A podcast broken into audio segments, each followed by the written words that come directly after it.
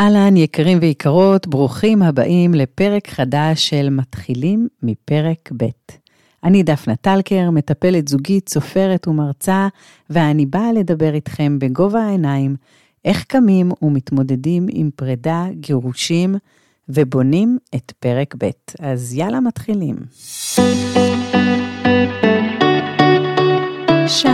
יקרים, היום אנחנו הולכים לדבר על מה הכי נכון להתמקד בדייטים ובחירת בן זוג.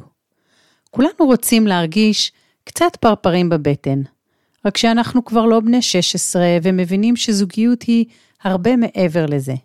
אנחנו גם יודעים שלפעמים הפרפרים יכולים להיות קצת שקרניים, והאדם הזה אולי בכלל לא מתאים לי.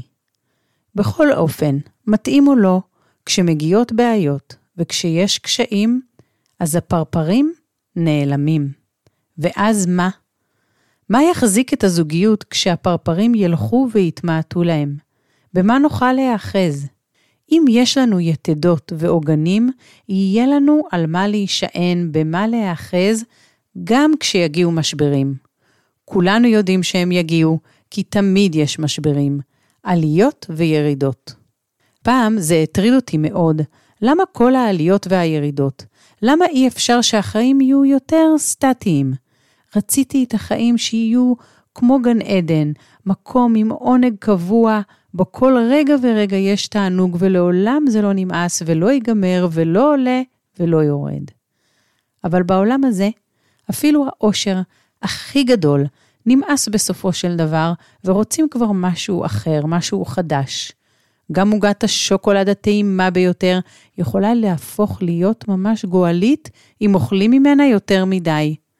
גם בן זוג מקסים ואוהב, שיש איתו כימיה נהדרת.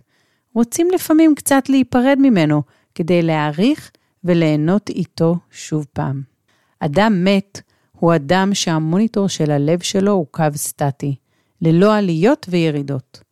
אבל אדם חי רואים במוניטור את השינוי, את העליות והירידות. כשאנחנו למעלה, מה שנקרא על הסוס, כולנו יודעים איך לחיות, להתענג, לשמוח. כשיש ירידות, הנטייה היא לחכות שהירידה כבר תיגמר, כמה שפחות כאב, ונוכל לקחת אוויר ופשוט לעבור את הגל בכמה שפחות נזק.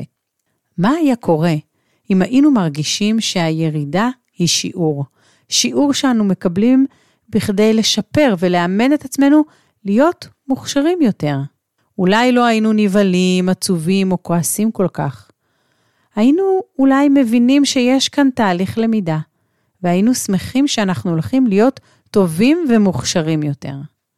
מי שרוצה להבין את הנקודה הזו יותר, אני ממליצה להאזין לפרק הראשון של הפודקאסט שנקרא איך הופכים את הקושי להגשמה. אבל רגע, בואו נחזור לעולם הדייטים. איך יוצאים ומוצאים את האדם הנכון איתו נוכל לחיות בטוב, גם כשאנחנו למעלה וגם ברגעים הפחות נעימים והקשים כשאנחנו למטה.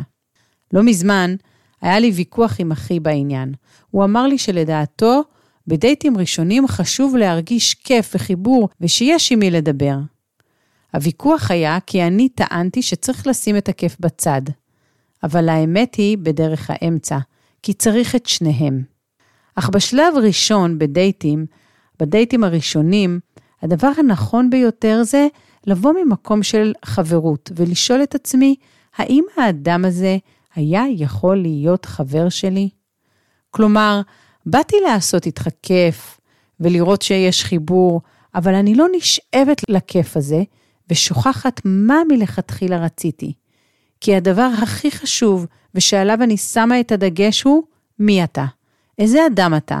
והשאלה המשמעותית שאני אוהבת לשאול היא, האם הייתי פותחת עם האדם הזה עסק? כלומר, החיבור והכיף הוא גם אמצעי בכדי לבדוק האם מתאים לי להתחבר לאדם הזה, בכדי לדעת מי אתה והאם אני רוצה להיות ליד אדם כמוך. הרי אם אני אפתח עסק ואני אשקיע בו את מיטב כספי, אני אבדוק שהאדם מולי אמין.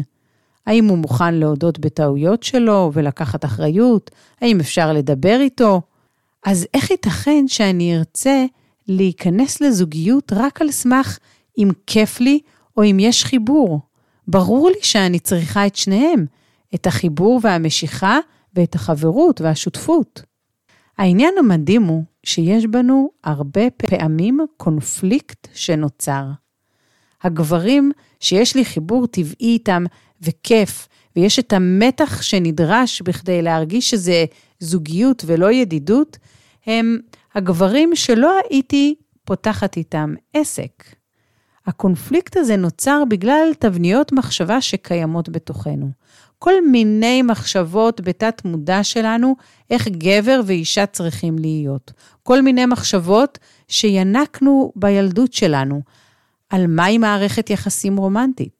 לדוגמה, אישה שגבר מתנהג אליה באדיבות רבה, אמרה לי פעם, אבל הוא לא גבר. מבחינתה הוא נשי, כי מה זה כל ההתחשבות הזו? זו מחשבה שיוצרת בתוכה קונפליקט ומפריעה לה. המחשבה הזו יוצרת את הקונפליקט הזה בין הגבר שמתאים להיות השותף העסקי, אך לא יכול להיות בן הזוג הרומנטי שלה, כי הוא אדיב מדי. ובנקודות האלה יש לנו קושי לבחור את בן הזוג שיהיה לנו טוב איתו, טוב איתו לטווח הרחוק, לא רק כאן ועכשיו. כי האישה הזו רוצה מישהו אדיב, אך היא גם רוצה להרגיש שהיא חיה עם גבר. ודרך אגב, זה בדיוק אותו הדבר גם לגברים. הקונפליקט בין האישה שרוצים בה כשותפה וחברה, לבין בת הזוג הרומנטית. ככל שנטפל בעצמנו ונשחרר את תבניות המחשבה שלנו, נהיה פתוחים יותר לקבל את השפע שהעולם מביא לנו. התרגיל הראשון שהייתי ממליצה עליו הוא לעשות רשימה של מה שאנחנו מרגישים שמקובע בתוכנו. נגלה את זה על ידי משפטים כמו גבר או בן זוג צריך להיות, ואתם תשלימו את המחשבות שלכם. או גבר לא יכול להיות. אישה צריכה להיות, או אישה לא יכולה להיות. בדוגמה של האישה, שמבחינתה גבר אדיב ומתחשב מדי, הוא לא גבר, הרשימה שלה הייתה, גבר צריך להיות החלטי. גבר לא יכול להיות רכרוכי ואחד שמתלבט. גבר צריך להיות עם ביטחון עצמי ומוקף בחברים. גבר זה מישהו שכשהוא מדבר אז אנשים שותקים.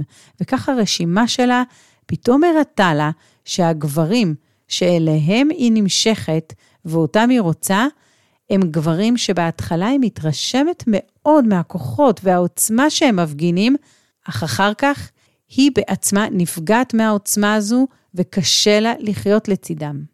המטרה היא להציף את הקונפליקט והמקובעות שלנו, כי אי אפשר לטפל במשהו שאנחנו אפילו לא יודעים שקיים בתוכנו.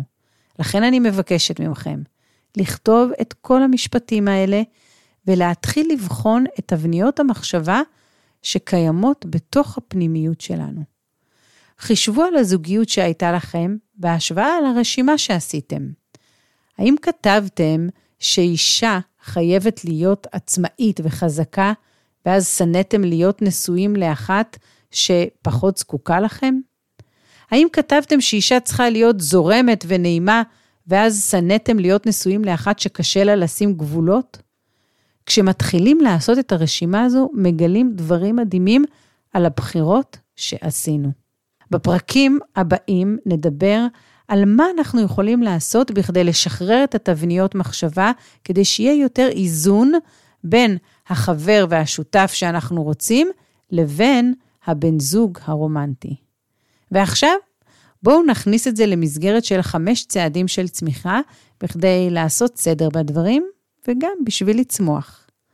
אז הצעד הראשון שלנו הוא כוחות. יש לי כוחות לצאת לדייטים. ליהנות, להתחבר, לעשות כיף, ובו זמנית לזכור שאני מחפשת את השותף והחבר, וזה העיקר. צעד שתיים, דרך אגב, זה העיקר, כי זה מה שיחזיק מעמד וזה יהיה טוב לטווח הרחוק. צעד שתיים, יש לי פה שיעור. ללמוד להקטין את הקונפליקט המחשבתי שלי. לנפץ תבניות מחשבה שמפריעים לי להתקדם לקראת זוגיות טובה שיש בה אינטימיות וחברות. צעד שלוש, רוצה.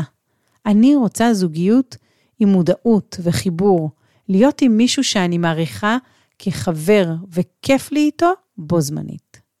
צעד ארבע, פעולה. אני עושה רשימה של סטיגמות שיש לי, ואני מתחילה לגלות לעצמי איפה המקומות שהמחשבה שלי תקועה בהם. בהמשך אני אלמד דרכים בכדי לשחרר את המקומות האלה. צעד חמש, שידד, אני אלופה. אני לוקחת אחריות על החיים שלי, על הזוגיות שאני רוצה ועל השקפות העולם שלי. אז זהו להיום. בהצלחה רבה עם התרגיל. אני מחכה לשמוע שעשיתם אותו ושאתם מגלים את המקומות המקובעים. אשמח אם תגיבו כאן למטה ותגידו מה אתם חושבים על העניין. אם אהבתם, בבקשה, תעבירו את הפרק עם כל מי שנראה לכם שזה יכול לתת לו ערך. ובינתיים, להתראות יקרים בפרק הבא. ביי.